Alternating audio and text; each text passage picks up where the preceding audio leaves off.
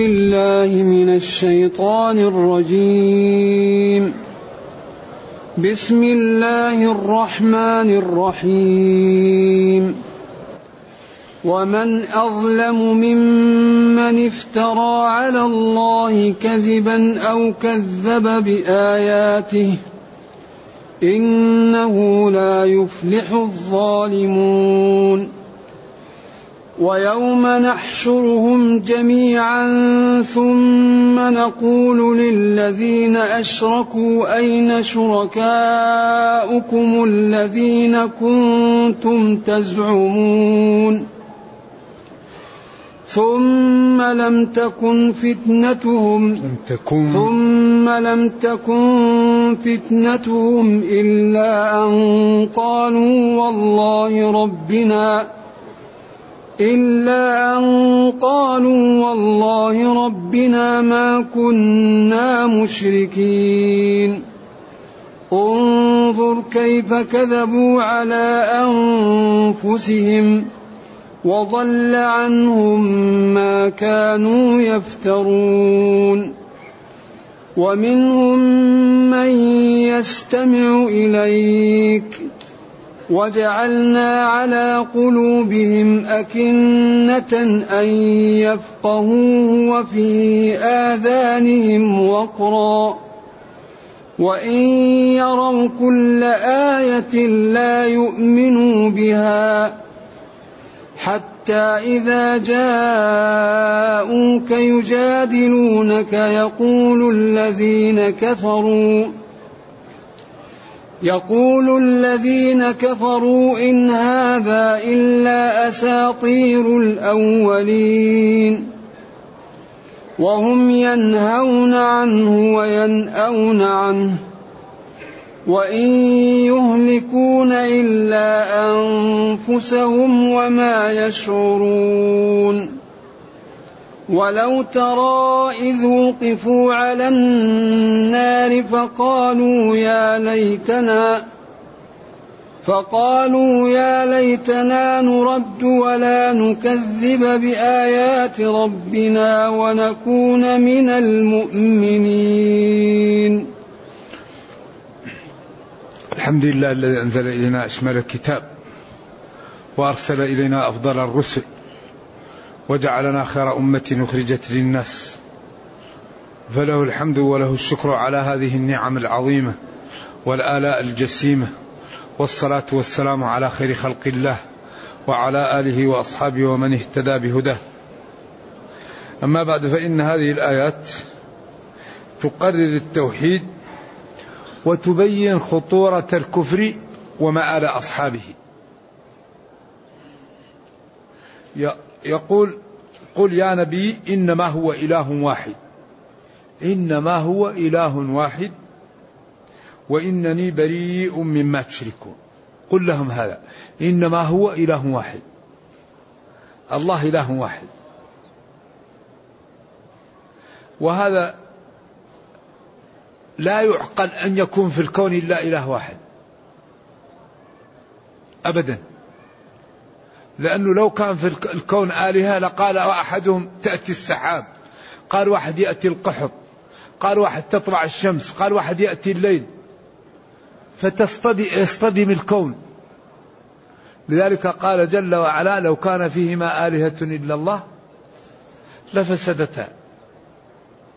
فأصلا يستحيل أن يكون فيه إلا إله واحد.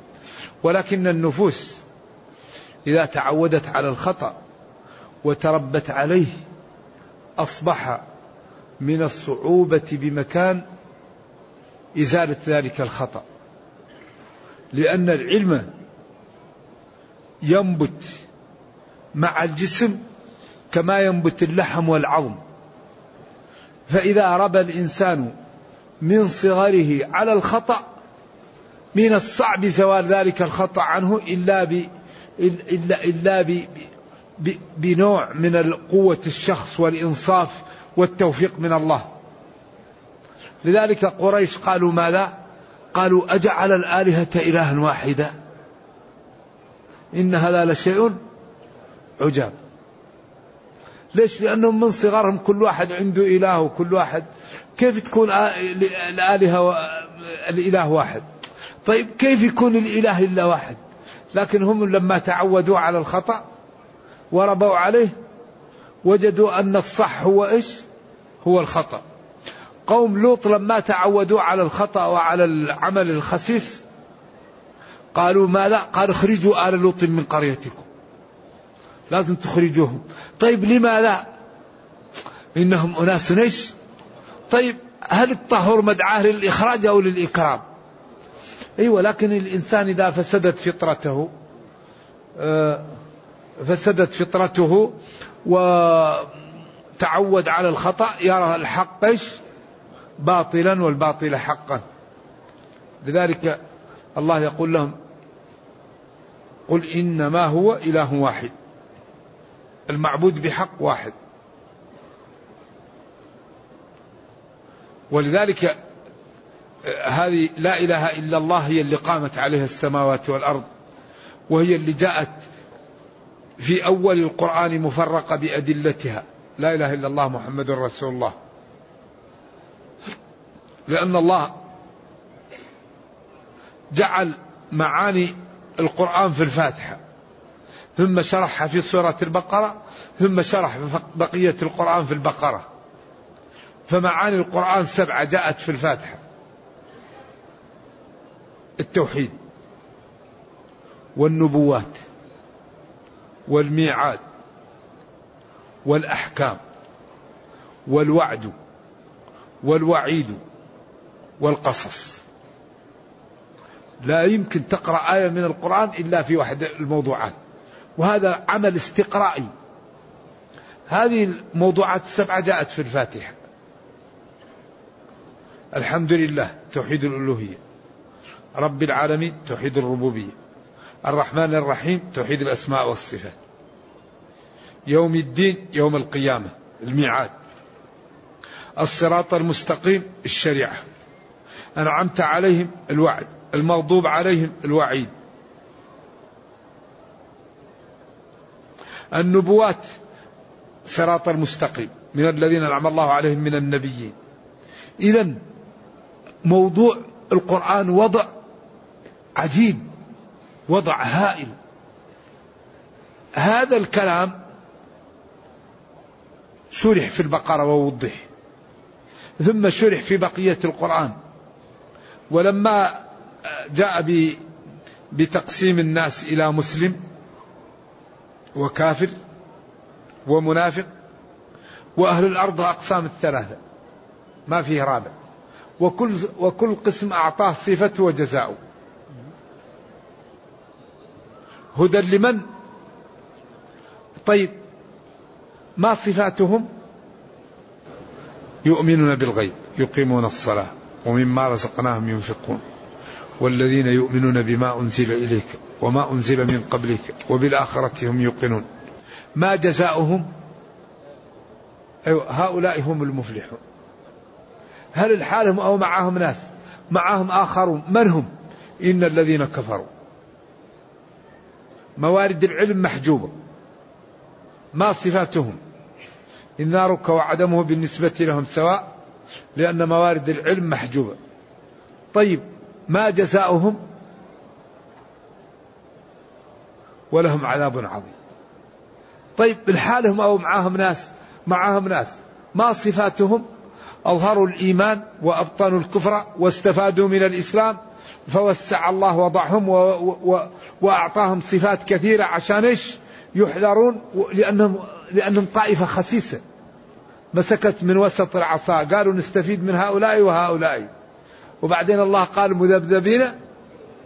نعم وقال إنهم في الدرك الأسفل. وصفهم وصفهم وبينهم. ثم نادى الطوائف الثلاثة يا أيها الناس يا مسلمون يا كافرون يا منافقون. وجاء بأول أمر في المصحف. اعبدوا ربكم. وأحدث تساؤل ضمني وذكر خمسه أمور لا يقدر عليها إلا الله. ثم جاء بأول نهي في المصحف وهذا معنى لا إله إلا الله مفرقة بأدلتها. بطريقة تقنع كل منصف الذي خلقكم والذين من قبلكم. الذي جعل لكم الأرض فراشا والسماء بناء وأنزل من السماء ماء فأخرج به من الثمرات هذه الخمسة لا يقدر عليها إلا الله. ثم جاء ببرهان محمد رسول الله. قال لهم وإن كنتم في ريب مما نزلنا على عبدنا إذا فأتوا بسورة. إذا وضع هذا الدين وضع ما هو قابل إلا للتسليم. وضع في قوالب وفي طرق وفي أساليب لازم تسلم أو إيش؟ أو تكابر. المكابرة عند أهل الجدل أن تقول هذا ليس عمود. هذا مثلا سرير. أو يعني باص يعني عربة. يعني مغالطة تقول شيء غير صحيح. الإنسان يغالط. إذا هذا الدين موضوع في قوالب إما التسليم أو المغالطة واحد يكابر هنا يقول جل وعلا قل إنما هو إله واحد قل لا أشهد على ما لا أشهد أن مع الله آلهة أخرى بل أقر وأشهد وأذعن أنه جل وعلا إله واحد وجاء بالحصر إنما. ف, ف ف فالوحدانية محصورة في الله ما معها أحد. الألوهية لله الحال ما معها أحد فيها. إذا هي الله جل وعلا يعني هو الإله بمفرده لا إله معه. ثم قال وإنني بريء مما تشركونه. مما تشركون من الذي تشركونه ثم مدح أهل الكتاب الذين آمنوا بهذا الدين وقال إن لهم أجرهم مرتين. الذين آتيناهم الكتاب كعبد الله بن السلام ومخيريق يعرفونه كما يعرفون أبناءهم. أما الذين خسروا أنفسهم. عياذا بالله لا يؤمنون. فهم لا يؤمنون. خسروا أنفسهم نقصوا نفوسهم حظوظها بكفرهم وديمومتهم على ذلك. لا يؤمنون هؤلاء الذين ختم عليهم بالشقاوة. ولذلك هؤلاء نرجو الله السلام والعافية مهما جاءوا من الأدلة ومهما عرفوا من البراهين ومهما بين لهم لا يمكن. الذين نقصوا حظوظ أنفسهم بعدم قبول الحق وبما كتب عليهم ربهم من الشقوة لا يؤمنون. لذلك الحقيقة هذا الجانب في غاية الخطورة. لأن هذا يسبب لبعض الناس مزالق يقول لك إن أراد الله أن نهتدي نهتدي ويروح ولا يبالي. الله لما خلق الكون خلقه ب ب ب بقانون المسببات. أمر بالصلاة وأمر بالطاعة ونهى عن المعصية وأمر بالخشية وجعل العبد بين الخوف والرجاء. في وقت الصحة يغلب جانب الخوف وفي وقت المرض والضعف يغلب جانب الرجاء. وإن شاء الله إذا قام بالأسباب ربنا يقول إنه لا يضيع أجر من أحسن عملا لا إن الله لا يضيع أجر من أحسن عملا فالذي يعمل هذا مظنة وأمارة لأن الله وفقه وهداه وأنه إن شاء الله يثبت على الخير. والذي يقول إن أراد الله لي الخير نفعل ويترك العمل هذا مظنة عياذا بالله إن الله تعالى خذله وأنه يريد به الشر. ولذلك قال اعملوا اعملوا. فكل ميسر لما خلق له. لأن المكتوب في اللوح المحفوظ لا يعلمه من؟ إلا الله. فأنت إذا تركت العمل تركته باختيار منك لأنك لا تدري ماذا كتب وهو مخبوء. إذا كل واحد منا يجتهد. أولا في, في الطاعة. وفي الدعاء وفي البعد عن مسالك الغضب. غضب الله. لا يسخر بالمسلمين لا يسخر من الدين لا يطعن في الأنبياء لا يطعن في الصالحين لا يسب الصحابة لا يطعن في القرآن. أن هذه هذه مسائل خطيرة سب الصحابة. أصحاب النبي صلى الله عليه وسلم لا يسبون. هؤلاء يترحم عليهم ويترضى عليهم. لن يبلغ أحدكم مد أحدهم؟ نعم. قال العلماء كل الصحابة عدول وكلا وعد الله الحسنى. لذلك الصحابة ما دام ثبتت الصحبة تجاوز القنطرة. كل الصحابة عدول. إلا واحد عياذا بالله ثبتت ردته أما هم عدول. وكانت عائشة تقول رضي الله عنها أما ترون كرامة الله لأصحاب نبيه لما ماتوا هيأ الله لهم من يسبهم ليأخذوا حسناتهم. تقول كيف هذا الرزق وهذا الخير الذي ساقه الله للصحابة بعد موتهم يقيض لهم من يسبهم ليأخذوا حسناته إن كانت له حسنات. إيه.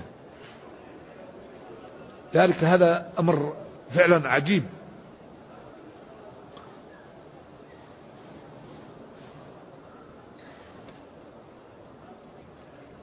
هؤلاء الذين خسروا أنفسهم لا يؤمنون عياذا بالله. ولذلك كان من دعائه صلى الله عليه وسلم يا مقلب القلوب ثبت قلبي على دينك. يا مقلب القلوب ثبت قلبي على دينك. فلأن القلب لا يدري الواحد عنه. ما يدري عياذا بالله. الواحد يصاب بقساوة قلب يصاب بشقوة يصاب بشيء. نرجو الله السلامة والعافية.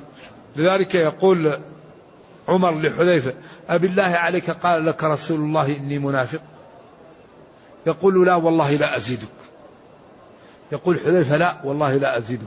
لأن حذيفة كان أمين سر رسول الله صلى الله عليه وسلم. وكان يقول كان الناس يسألون رسول الله صلى الله عليه وسلم عن الخير وكنت أسأله عن الشر. مخافة أن يدركني. قالوا هل أيكم يعرف الفتنة؟ قالوا أعرفها. قالوا إنك عليه أو إنك عليها لجريء. يقول حذيفة. قال له فتنة الرجل في بيته وفي أهله تكفرها الصلاة. قال الفتنة الذي تموج موجا. يقول له قال لعمر بينك وبينها باب. بينك وبينها باب. قال له يكسر أو يفتح؟ قال له يكسر. قال إذا لا يفتح. ولا قال له يكسر. إذا قال لا يقفل. ولذا وخلف ابن عفان شرا طويلا. يعني من يوم ما عثمان والمسلمون عندهم أشياء نرجو الله العافية. لذلك هذه الأمور قال السلف قضايا طهر الله منها سيوفنا فلنطهر منها ألسنتنا. نعم. ثم يقول ومن أظلم ممن افترى على الله كذبا. من؟ استفهامية بمعنى النفي. من؟ لا أحد أظلم. من الذي افترى على الله كذبا. بأن جعل له الند والصاحب والولد والشريك ووصفه بما لم يصف به نفسه. اليهود عياذا بالله. قالوا يد الله مغلولة.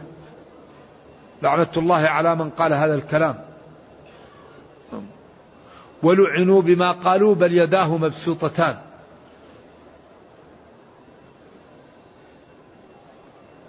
أو كذب بآياته بالقرآن وما جاء فيه من الأدلة والحجج والبراهين وبأدلة الرسل وبالجنة والنار وبكل ما أخبر الله به.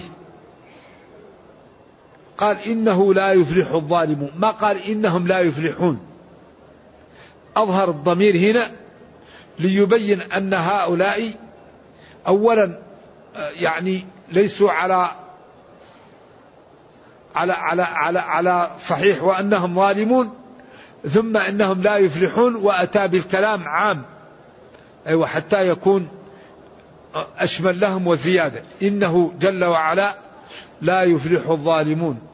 أي لا ينجو الظالمون من النار ولا يدخلون الجنة. لأن الفلاح هو أن يأمن الشخص مما يخاف ويدرك ما يرغب فيه. فالفلاح هو الفوز. والله قال فمن زحزح عن النار وأدخل الجنة فقد فاز. أي الظالمون لا يدخلون الجنة ولا ينجون من النار عياذا بالله. ما يخافون منه يصل إليهم وما يرغبون به لا يجدونه. أعاذنا الله وإياكم من ذلك. أصل الفلاح يفلح الفلاح أصله الشق ويقال للفوز ويقال لمشقوق الشفاء أفلح. ولذلك يقول الشاعر ومن أفلح الجهال. أيقنت أنني أنا الميم والأيام أفلح وأعلم. ومذ أفلح الجهال يعني أصبح الجهال لهم الصدارة والمكانة. أيقنت أنني أنا الميم والأيام أفلح. فالأفلح لا يمكن أن ينطق بالميم. إذا إذا كانت في زمن الجهال لهم الصدارة أنا مالي ومال نبتعد. لذلك الأفلح هو مقطوع الشفاء والفلح الشق والفلاح الفوز وأيضا السحور يقال له الفلاح. حي على الفلاح الفوز الصلاة لأنها تسبب للإنسان إدراك ما يرغب فيه والأمن مما يخاف منه. والظالمون جمع ظالم وأصل الظلم وضع الشيء في غير موضعه. وأصله في اللغة. أول شيء أن يؤخذ الحليب ويمخض قبل أن يروب. هذا أصل الظلم أو الظليم. أصل آه، آه، يعني الظلم في اللغة أو الظليم في اللغة أن يؤخذ الحليب إذا وضع فيه الروب قبل أن يروب تمخضه يمخض. يمخض في سقاء الحليب الذي يسمى الشكوى. فإذا مخضوه قبل أن يروب يسموه الظليم. وقائلة ظلمت لكم سقائي أي مخضته قبل أن يروب لكي أبادر بإكرامكم. قالوا وهل يخفى على العدك الظليم على عصب اللسان الذي مخض قبل أن يروب من الذي مخض بعد أن يروب. ثم أصبح كل شيء يوضع في غير موضعه يقال له الظلم. ومن أكبر الظلم وضع العبادة في غير الله. لأن العبادة لا تكون إلا لله. فإذا وضعت العبادة في غير الله فهذا ظلم. ومن العادة أن المسلم يمشي مشي حلال. فإذا عمل أمر لا يجوز فتعدى فوضع الأمر في غير محله. أن الحرام لا ينبغي للمسلم أن يعمله. إذا لا ينبغي أن يعمل العبادة إلا لله فالظلم الشرك إن الشرك لظلم عظيم. ولا ينبغي له أن يخالف أمر الله أو يقدم على نهيه لأن ذلك وضع للشيء في غير موضعه. نعم. إذا إن الظالمين لا يأمنون من العذاب ولا يدركون الجنة عياذا بالله نعم. والمقصود هنا من الظالمين الكافرين لأن الظلم قد يطلق على المعصية وقد يطلق على الكفر والقرينة هي التي تمايز واذكر يا نبي يوم نحشرهم الخلق جميعا كل الخلق يحشرون. ولذلك هذا يوم الحشر مشكل. يوم الحشر مخيف. يوم الحشر بعض الناس آه، آه، العرق يصل إلى ركبهم وبعض الناس يصل إلى نصف السرة وبعد يصل إلى الثديين وبعد يصل إلى اللجام يلجمه العرق. يصل إلى آذانه. ذلك الله يقول اتقوا يوما. اتقوا يوما. إن زلزلة الساعة شيء عظيم. ولذا دائما القرآن يخوف من هذا اليوم. لماذا عشان الإنسان يستعد لينجو. لأنه إذا ما استعد من الآن بعدين ما في ف... إذا إذا لم يأخذ العدة والأهبة وهو في الدنيا ما يمكن يأخذها يوم القيامة. فأخذ الاستعداد وأخذ الحيطة. الآن. فالذي يخرج من هنا ما أخذ الحيطة؟ يندم. ذلك ما لا يقولون الذين لم يستعدوا. يا ليتنا نرد ولا نكذب بآيات ربنا ونكون من المؤمنين. ويوم اذكر يوم نحشرهم جميعا الناس. ثم نقول للذين أشركوا. نقول يقول الله للكافرين الذين أشركوا أين شركاؤكم الذين كنتم تزعمون؟ كنا نحذركم من الشرك وقال لكم هؤلاء لا ينفعونكم وحذروكم. قالوا أضغاث أحلام بل افتراه بل هو شاعر. أساطير الأولين اكتتبها. كيف نترك آباءنا وأجدادنا وديننا؟ هذا الرجل مجنون. طيب أين شركاؤكم الذين كنتم تزعمون؟ أين؟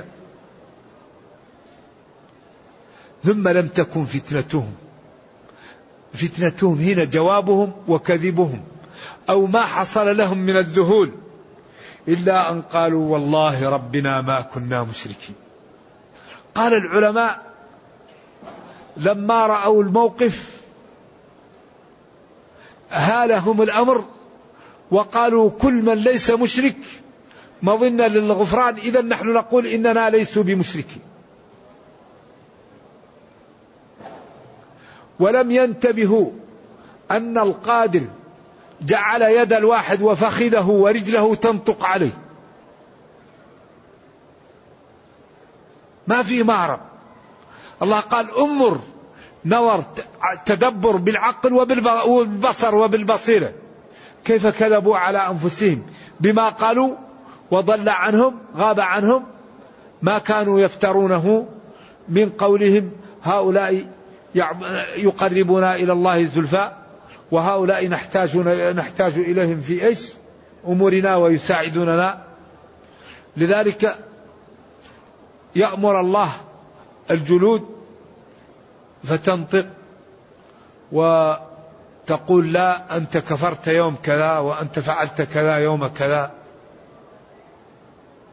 قال يوم تشهد عليهم ألسنتهم وأيديهم وأرجلهم بما كانوا يعملون. ولما بقوا مع أنفسهم قالوا لجلودهم لما شهدتم علينا؟ قالوا أنطقنا الله. قالوا أنطقنا الله. طيب إذا كيف المهرب؟ ما فيه مهرب. ما فيه إلا استقامة. ما فيه.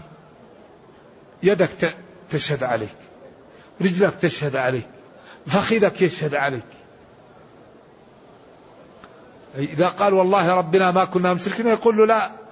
تقول له يده لا أنت كنت مشرك ويوم كذا فعلت كذا وفي محل كذا. إذا كان الإنسان يشهد عليه نفسه تشهد عليه الأرض ويشهد عليه الملائكة إذا النجاة بالصدق النجاة بالاستقامة. استقم كما أمرت. الميزان الذي وضعه الله يتبعه وضع الميزان. إن الله حرم الظلم. إيش؟ وجعله بينكم محرما فلا تظالموا. الظلم ظلمات يوم القيامة واتقوا دعوة المظلوم. الظلم خطير. المعاصي تسبب للقلب القسوة. المعاصي تنزع من العمر البركة. المعاصي تنزع من المال البركة. المعاصي تنزع من الولد البركة. أعز ما عند الإنسان نفسه وماله وولده. فالمعاصي تجعلهم عياذا بالله تكونوا منخوبين الطاعة تجعل في العمر البركة القليل تجعل في المال الخير تجعل في, في, في, في حياة الإنسان النور. لذلك ينبغي أن نتعود على الطاعة. ينبغي أن نبذل للطاعة. انظر كيف كذبوا هؤلاء على أنفسهم وضل وغاب عنهم ما كانوا يفترون. ضل عنهم وغاب عنهم الذي كانوا يفترونه.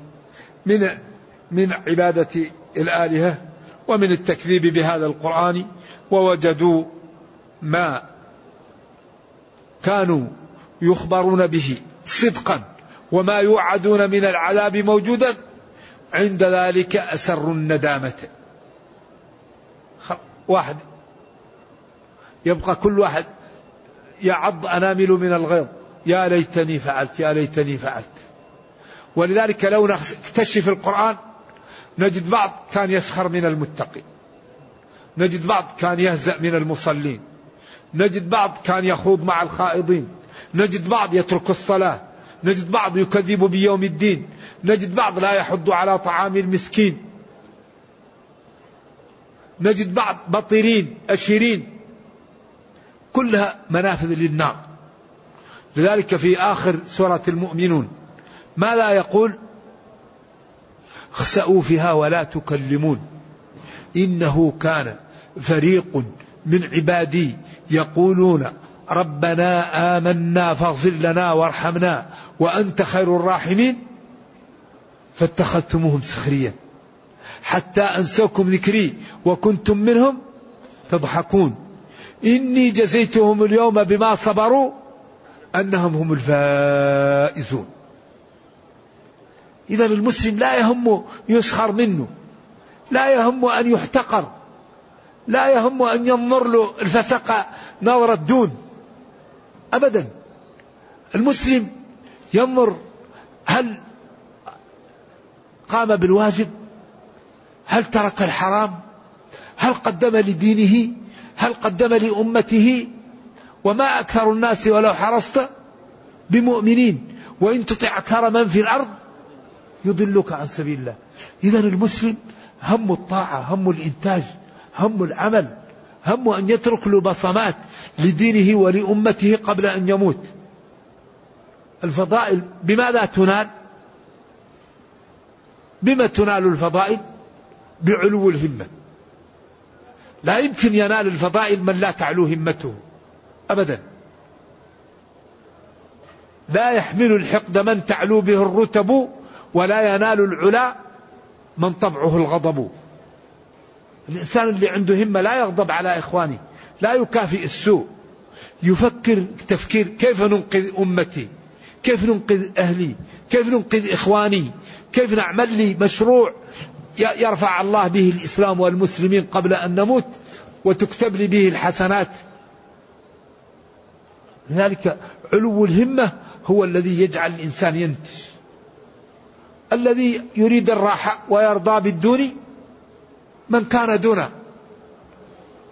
ذلك المعالي لا تنال إلا بالبذل. معالي الأمور. العلم لا بد فيه من البذل. ما يمكن واحد ينال الفضائل وهو لم يتعب. أبدا لولا المشقة ساد الناس كلهم. ثم لم تكن فتنة هؤلاء أو جوابهم أو اختبارهم إلا أن قالوا والله ربنا ما كنا مشركين انظر ببصيرتك وببصرك. كيف كذبوا على أنفسهم وضل عنهم ما كانوا يفترون. وغاب عنهم كذبهم وشركهم وافتراؤهم ويعني العظائم التي كانوا يقولونها ويفعلونها. ومن هؤلاء من يستمع إليك. يستمع لكلامك وللقرآن وللأحاديث ولكنهم عياذا بالله وجعلنا على قلوبهم أكنة أن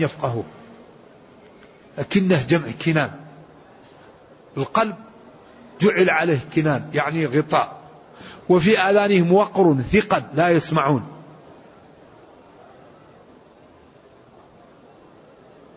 وفي آذانهم وقرا وجعلنا أيضا في آذانهم وقرا.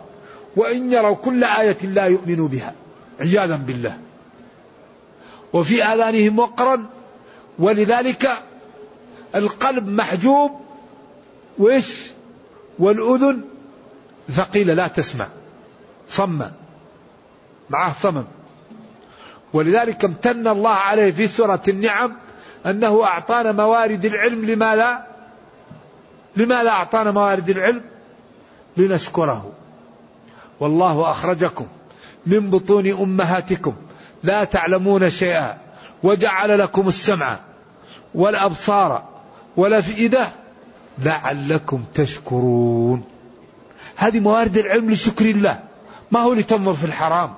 تتكلم بالحرام تفكر في الحرام لا.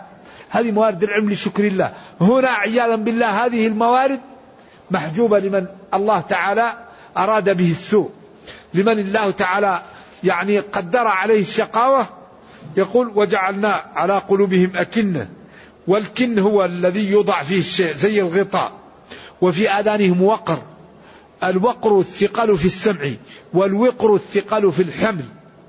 تقول وقر إذا حملت عليه وتقول في أذنه وقر ثقيلة وكل ثقل هذا ثقل في السمع وهذا ثقل في الحمل.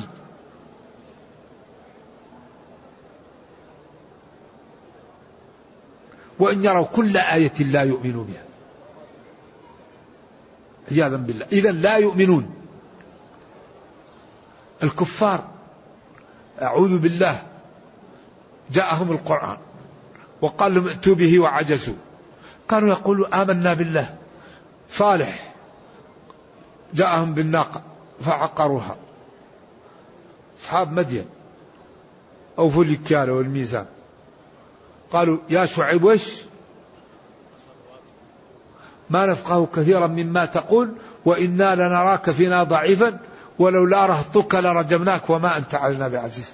قال يا قوم أرهطي أعز عليكم من الله إلى آخر الكلام. إذا الذي يريد به الله الشقاوة لا تنفع فيه الرسل ولا الهداية نرجو الله السلام والعافية. لذلك هنا يقول وإن يروا كل آية لا يؤمن بها. حتى إذا جاءوك وجلسوا معك يجادلونك بالحجج الباطلة الواهية. يقول الذين كفروا ما هذا إلا أساطير الأولين جمع أسطورة. يعني الكتب التي كتبها الأولون وحفظها محمد صلى الله عليه وسلم وأصبح يحدثكم بها. كما قال النضر بن الحارث وكان يأتي بكلام الناس ويحدث به الناس ويجعل قينات تغني بها. عياذا بالله.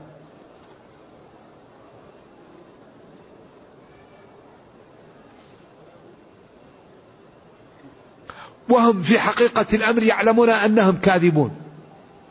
ولذلك إذا جلسوا مع بعض يقول أمحمد كاذب؟ يقول والله ما كذب محمد صلى الله عليه وسلم. والله إنه لأمين. والله إنه لصادق. ولكن قالوا فيهم الجباية. فينا الجباية. فيهم السقاية. فينا السقاية. فيهم. طيب منهم النبوة. إيش عندنا؟ والله لا نصدق. عياذا بالله. إذا الذي منعهم من الإيمان الكبر. الكبر وغمط الحق. وإلا ما الذي يضرك إذا كان ابن عمك يا أخي عنده فضيلة؟ ما الذي يضرك؟ لذلك أبو طالب نفسه ما استطاع أن يستوعب أن يتبع أن يتبع ابن أخيه. يتيما يتبعه ويكون سيد عليه. ولذلك يقول لولا الملامة. لولا الملامة أو حذار مسبة. لكن كيف أنت سيد الوادي تتبع ابن أخيك يتيم؟ لذلك ينبغي للمسلم أن يتعود على قبول الحق. قال الحق رفيع يقبل قال الحق وضيع يقبل قال الحق متوسط قاله كبير قاله صغير قاله ذكر قالته أنثى. الحق يقبل ممن قاله والخطأ يرفض ممن قاله هذا هو الدين هذا هو الإنصاف هذا الشجاعة هذا هو العدل. الحق يقبل والخطأ يرد. ولذا أكثر يعني تجد بعض الناس شيخي قال طيب شيخك إذا قال وهو غير معصوم ألا يمكن يخطئ الشيخ؟ عندنا في المذهب. طيب المذهب معصوم؟ عندنا الذي نعرف. طيب وكل ما تعرف لازم يكون حق. لذلك الفيصل النصوص. دائما أي شيء نرده للنصوص. اتبعوا ما أنزل إليكم. فإن تنازعتم في شيء تركت فيكم ما إن تمسكتم به لن تضلوا بعدي. كتاب الله والسنة فإن تنازعتم في شيء فردوه إلى الله والرسول.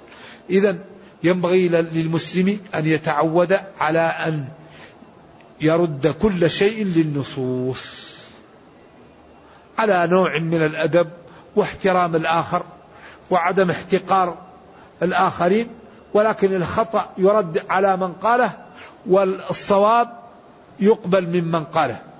نعم.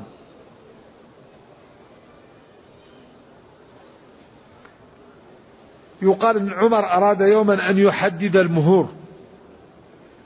يقال فخرجت له امرأة وقالت له ليس ذلك لك يا أمير المؤمنين. والله يقول وآتيتم إحداهن قنطارا. فسكت عمر. وجاءت إحدى المسلمات وقالت له إن المطلقه المبتوته لا سكنى لها. قال لها لا ندع كتاب ربنا لقول امرأة. فقالت له وأي كتاب معك؟ والله يقول لا تدري لعل الله يحدث بعد ذلك أمر. وأي إحداث بعد الثلاث؟ عمر يقبل. ما قال لها أنا أمير المؤمنين وأنت امرأة اسكتي. يقبل رضي الله عنه. لذلك الحق يقبل ممن قاله. والعالم الكبير قد تكون عنده جزئية خطأ. والجاهل الكبير قد تكون عنده جزئية صح. فيبقى هذا عالم عنده جزئية خطأ ويبقى هذا جاهل عنده جزئية صح. وهذا لا ترفع عن العالم كونه عالم إذا أخطأ. وهذا لا تجعله عالم إذا أصاب في جزئية. إذا الحق يقبل والخطأ يرفض. هذا إذا تعود عليه. وما هي مشكلة ما يسلم أحد من الخطأ. لكن الذي ينبغي أن يكون المنهج سليم. الإنسان يتعود على المنهج السليم.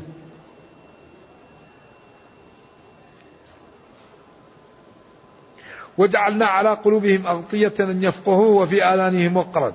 وإن يروا كل آية لا يؤمن بها. اللهم إنا نسألك العافية. إذا موارد العلم محجوبة. من أين لهم الهداية؟ إذا كانت موارد العلم التي امتن الله على الخلق بها وأعطاهم إياها ليشكروه لا يستفيدون منها من أين تأتيهم الهداية؟ قال وجعل لكم السمع والأبصار والأفئدة لعلكم تشكرون. وهذه لا يستفيدون منها.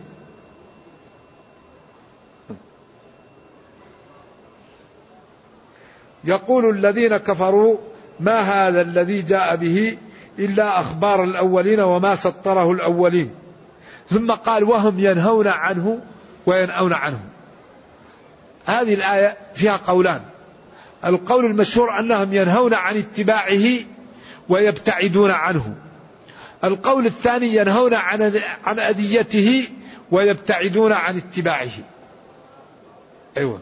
وهم ينهون الناس أن يسلكوا طريقه ويبتعدون عن سلوكها وهذا الأشهر.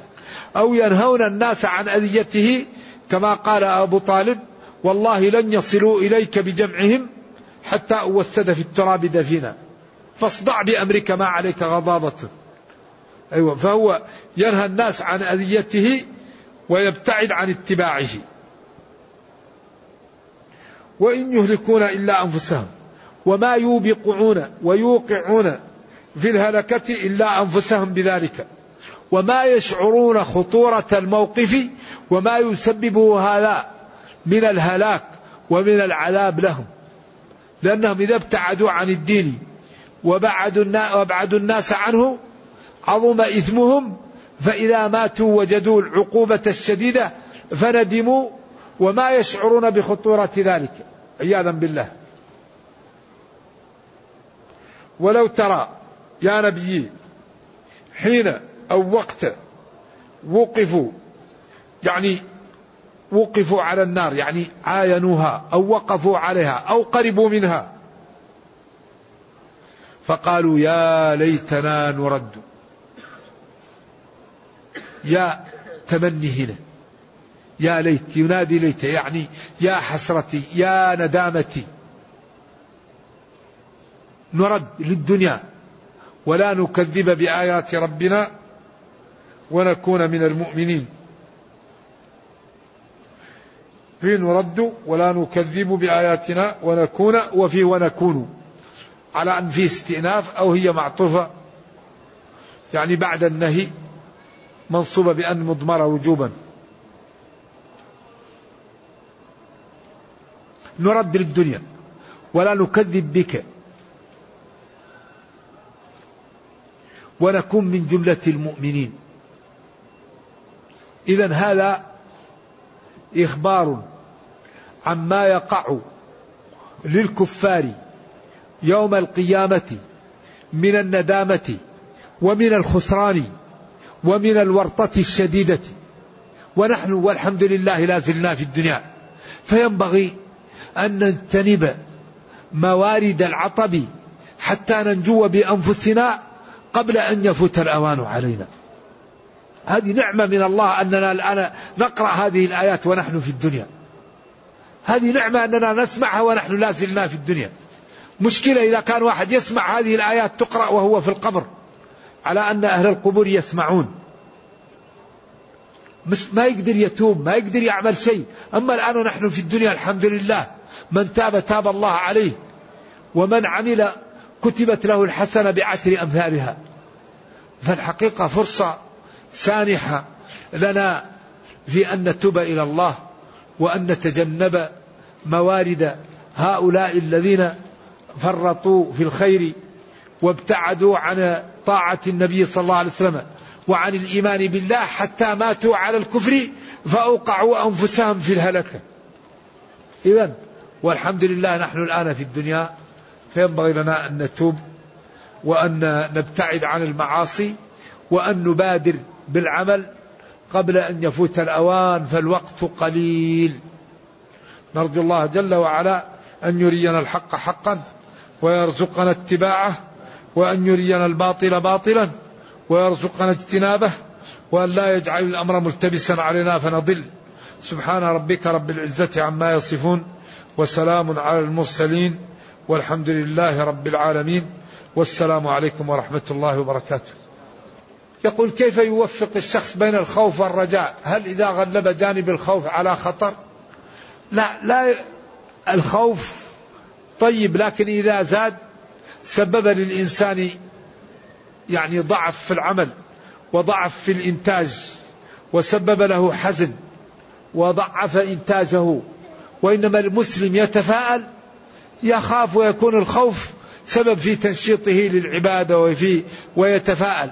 ربنا كريم ويقول اعملوا فسيرى الله عملكم ويقول إن الله لا يضيع أجر من أحسن عملا ويقول ولا ينصرن الله من ينصره. فربنا كريم ورحيم ولا تخفى عليه خافية والعبد ضعيف فإذا استقام بقلبه إذا أخطأ أو عجز ربنا يسامحه ويغفر له. لكن المشكلة الاستهتار أن يستهتر المسلم ويترك العمل ولا يبالي ولا يخاف. يكون لا يخاف من الله ولا يخاف من ظلم الناس ولا يخاف من المعاصي. هذا الذي يسبب للإنسان الهلكة نعم. ولذلك الرجل الذي يقول كنت آمر بالمعروف ولا آتيه وأنهى عن المنكر وآتي. يعني هذا يسخر. ما يعني لا يبالي. لو كان مبالي آه، يعني فإنك إذ ما تأتي ما أنت آمر به تلف من إياه يأمر آتيا هذا ما استطعت نقرأه. كلام في بيت الندى هل ينبغي أن تكون الأسئلة في على الدرس أو تكون في أمور يحتاجها المسلم في عبادته أو في فيما ينفعه في دينه أو دنياه. هذا يقول هل يحشر جميع المخلوقات من البهائم والدواب؟ نعم كل شيء يحشر يوم القيامة. ويقتص من من الشاة الجلحاء القرناء التي تنطحها. ثم يقال لها كوني ترابا. عند ذلك يقول الإنسان المكلف يا ليتني كنت ترابا. أي كنت مثل هذا الذي قيل له تراب أو كنت أصلا تراب. لم نكلف. يقول في أثناء التشهد في الصلاة الإبراهيمية في الصلاة أكرر الصلاة على النبي كثير. هل هذا جائز؟ صلى الله عليه وسلم. السنة أنك تقرأ بتوأدة وتقرأ مع الإمام. لكن إن شاء الله نعم. أما التكرير لا أعرفه. لكن لا أعرفه يبطل لكن الأولى الإنسان يتبع السنة. ما قاله النبي صلى الله عليه وسلم تقوله من الأدعية وما قرأ تقرأ مثله. أما لا تكرر الفاتحة ولا تكرر السورة وتقرأ كما كان النبي صلى الله عليه وسلم يقرأ. وصلاة النبي صلى الله عليه وسلم موجودة في الأحاديث وفي الكتب ومبينة. إذا صلى الإمام بغير وضوء ناسيا وتذكر بعد السلام مباشرة فهو يعيد بلا خلاف. أما المأمومون فهل يعيدون أو لا يلزمهم الإعادة بعد السلام؟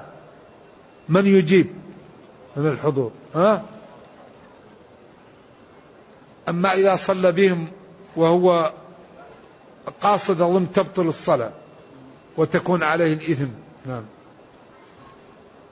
أما هو يعيد لا شك لأن غير الوضوء لا بد منه. كيف كان الرسول صلى الله عليه وسلم يقدمه هل كان يقدم يديه على رجليه أم العكس؟ هذا محل خلاف بين العلماء طويل عريض. يجوز لعن الزوجة. هل يجوز لعن الزوجة؟ لا يجوز لعن الحيوان. تلعن زوجك كيف؟ أعوذ بالله. خياركم خياركم لأهله استوصوا بالنساء فإنهن عوان عندكم. هذا هذا عيب هذا. المسلم لا يلعن وبعدين يلعن زوجه. أعوذ بالله. هذا لا ينبغي. كيف يكون الدعاء للأموات إذا كان فيهم أطفال تقول اللهم ارحم صغيرنا وكبيرنا وحاضرنا.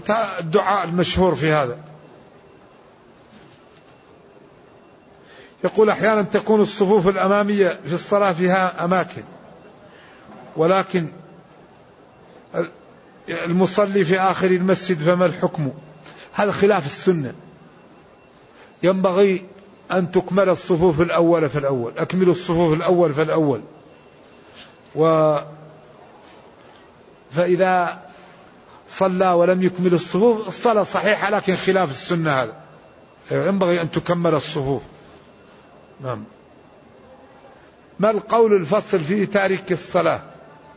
لأني قرأت أقوالا متناقضة. من مكفر ومن غير مكفر. الذي يترك الصلاة جاحد لها هذا كافر بالإجماع. والذي يترك الصلاة تكاسلا فالمشهور في مذهب الإمام أحمد وهو الذي عليه الفتوى أنه كافر. لقوله صلى الله عليه وسلم العهد الذي بيننا وبينهم الصلاة فمن تركها فقد كفر. من ترك الصلاة فهو مع فرعون وهامان وقارون. وقالوا لا تسقط الصلاة إلا عن فاقد العقل. كل العبادات تسقط والعقل موجود. الزكاة الصوم الحج. الصلاة لا تسقط إلا عن من فقد العقل. وجمهور العلماء قالوا الذي يترك الصلاة تكاسلا وهو يعلم أنها واجبة هذا كبيرة عظيمة واستدلوا على ذلك بقوله صلى الله عليه وسلم خمس صلوات كتبهن الله في اليوم والليلة فمن حافظ عليها كان له عهد عند الله أن يدخله الجنة ومن لم يحافظ عليها فليس له عهد عند الله إن شاء عذبه وإن شاء أدخله الجنة والكافر لا يدخل الجنة. والحقيقة من الصعب أن واحد يكون مسلم ولا يصلي الحقيقة. ومن أراد الاستزادة فلينظر في الجزء الرابع من أضواء البيان في قوله تعالى فخلف من بعدهم خلف أضاعوا الصلاة فإن فيه بحثا جيدا ومناقشة طيبة. يقول من هم أولياء الله الذين آمنوا وكانوا يتقون؟ هم الذين آمنوا وكانوا يتقون؟ أيوة أولياء هذه الصفات. ألا إن أولياء الله لا خوف عليهم ولا هم يحزنون؟ من هم؟ الذين آمنوا وكانوا يتقون. آمنوا بأركان الإيمان الستة وأركان الإسلام الخمسة وكانوا يتقون المعاصي. نعم. ويتقون آه، يعني آه، كل ما حرم الله. هؤلاء هم أولياء الله. من هم الذين اتقوا وكانوا محسنين في آخر سورة النحل؟ هذه أوصاف تصدق على من, من عمل هذا. إيش الآية اللي في آخر إبراهيم؟ سورة النحل شاكرا لأنعمه اجتباه وأداه ثم أوحينا إليك ما السبت الذين اتقوا وهم محسنون. الذين اتقوا الله تعالى ومع ذلك محسنون يعني يعبدون الله وهم يراقبونه خاشعون كأنهم يرونه ولذلك أن تعبد الله كأنك تراه. نعم يعني والله أعلم. يقول له أخت من الأب تريد أن تضع فلوسا في حسابه الخاص على أن لا أكون صرفا فيها في حياتها وبعد وفاتها طلبت مني أن أنفذ وصيتها في توزيع المال. يكون لي كله علما بأن لديها شق. فهو يجوز ذلك؟ علما لا لا لا يجوز. إن أرادت أن تعطيك المال تعطيه في حياتك. أما بعد موتك فلا تملكه ويكون لشقيقها وأنت ليس لك منه شيء. وإن أرادت أن توصلك بشيء منه أو تعطيك إياه تعطيك إياه. نعم. أما أن تحرم هذا من الميراث لا يجوز هذا ولا تقبله الشريعة. ويبقى لها منه الثلث أما الباقي يبقى له هو ولورثتها. نعم. هل يجوز ارتداء الإحرام من المدينة؟ والنية في أبيار عالي يجوز ولا يضر. نعم. ما الأذكار المفضلة في الطواف؟ لم يثبت في الطواف إلا بين الركنين. ربنا أتنا في الدنيا حسنة وفي الآخرة حسنة وقنا عذاب النار. هذا ثبت بين الركنين. أما هذا الذي يقول دعاء الشوط الأول والشوط الثاني هذا ما لا أعرفه ثابت. وإنما ينبغي للمعتمر وللحاج أن يدعو بما يريد وأن يذكر الله ويستغفر ولا يأخذ هذه الأشياء ويقرأها بلا نية. وتجده يزاحم وينظر ويقرأ شيء ما هو وارد. أنت تريد شيء أسأله من الله. تخاف من شيء أدعو الله يبعده عنك. اللهم ارزقني الجنة. اللهم حرم علي النار. اللهم أصلحني. اللهم أعطني. أو الأدعية الواردة. أما بين الصفا والمروة فكان يكبر ويقول لا إله إلا الله وحده أنجز وعده ونصر عبده وهزم الأحزاب وحده. لا إله إلا الله وحده لا شريك له له الملك وله الحمد على كل شيء قدير. إن الصفا والمروة من شعائر الله. نعم. توضيح الآية. الزانية لا ينكحها إلا زان حتى وإن تاب هذا هذه الآية من من أكثر آيات القرآن إشكالا. لأن سبب النزول كأنه في نوع من المخالفة لظاهر الآية. وظاهر الآية مع سبب النزول كأنه في نوع من عدم ولذلك لا يلزم لا لا يزول الإشكال إلا بحمل المطلق على معنيه. ويكون الزانية لا ينكحها إلا زان أن يتزوج بها. أو مشرك أن يعمل بها الفاحشة يزني بها. هذا الذي يزول به الإشكال. لذلك الجمهور عندهم أن الزانية يجوز تزويجها لأن الله أباح تزويج الكافرة. وعند بعض العلماء الزانية لا يجوز تزويجها لأنه قال الزاني لا ينكح إلا زانية. في قضية وبعض العلماء قال هذا التنفير من الزنا وتفشيع منه ولكن الآية لا يزول الإشكال إلا بحمل المطلق وهو ينكح على معنيه. فالنكاح يقال للوطء ويقال للعقد. فيكون الزاني لا ينكح إلا زانية أن يتزوج أو مشركة يفعل بها الفاحشة لأنه لا يجوز للمسلم أن يتزوج المشرك. وحرم ذلك الذي هو الزنا وتزويج إيش؟ وتزويج المشرك. أيوة فيكون وحرم ذلك الذي هو تزويج المشركة وفعل الزنا على على على المؤمنين. أيوة. أيوة حرم يعني الزنا. الزانية لا ينكح إلا زاني أن يتزوج. وحرم نكاح المشرك للمسلمة أو نكاح المشركة ولا تمسكوا بعصام الكوافر. نعم. وأيضا من أراد الاستزادة في هذا فلينظر في أول الجزء السادس من أضواء البيان. فإنه بين هذا وناقش الشيخ ابن القيم رحمة الله عليه في زاد المعاد. لأن للوالد رحمة الله عليه وللطبري ولابن عباس لأن لهؤلاء الثلاثة رأيا ولابن القيم وبعض العلماء رأيا آخر فهو ناقش القضية وبينها. يمكن ترجعوا لأضواء البيان في ذلك. يقول إنه يلاقي صعوبة في جاء لأداء العمرة ولا يستطيع تنظيف نفسه وذلك بسبب شلل رباعي. وعنده صعوبة في لبس الإحرام. هل يجوز لي لبس الإحرام؟ وماذا أفعل؟ يا أخي أنت يعني ما دمت بهذه الطريقة لو تبقى في في محلك أنت مأجور إن شاء الله لأن الله لا يكلف نفسا إلا وسعها. ولذلك ينبغي أن لا تسافر إلا ومعك زوجة أو معك من يستطيع أن يقوم بهذا. أما تمشي في السفر وأنت بهذه الطريق هذا يصعب عليك. نرجو الله أن يشفينا ويشفيك من كل شيء ويعظم لك لنا ولك الأجر. يكفي هذا. ونكتفي بهذا. السلام عليكم ورحمة الله.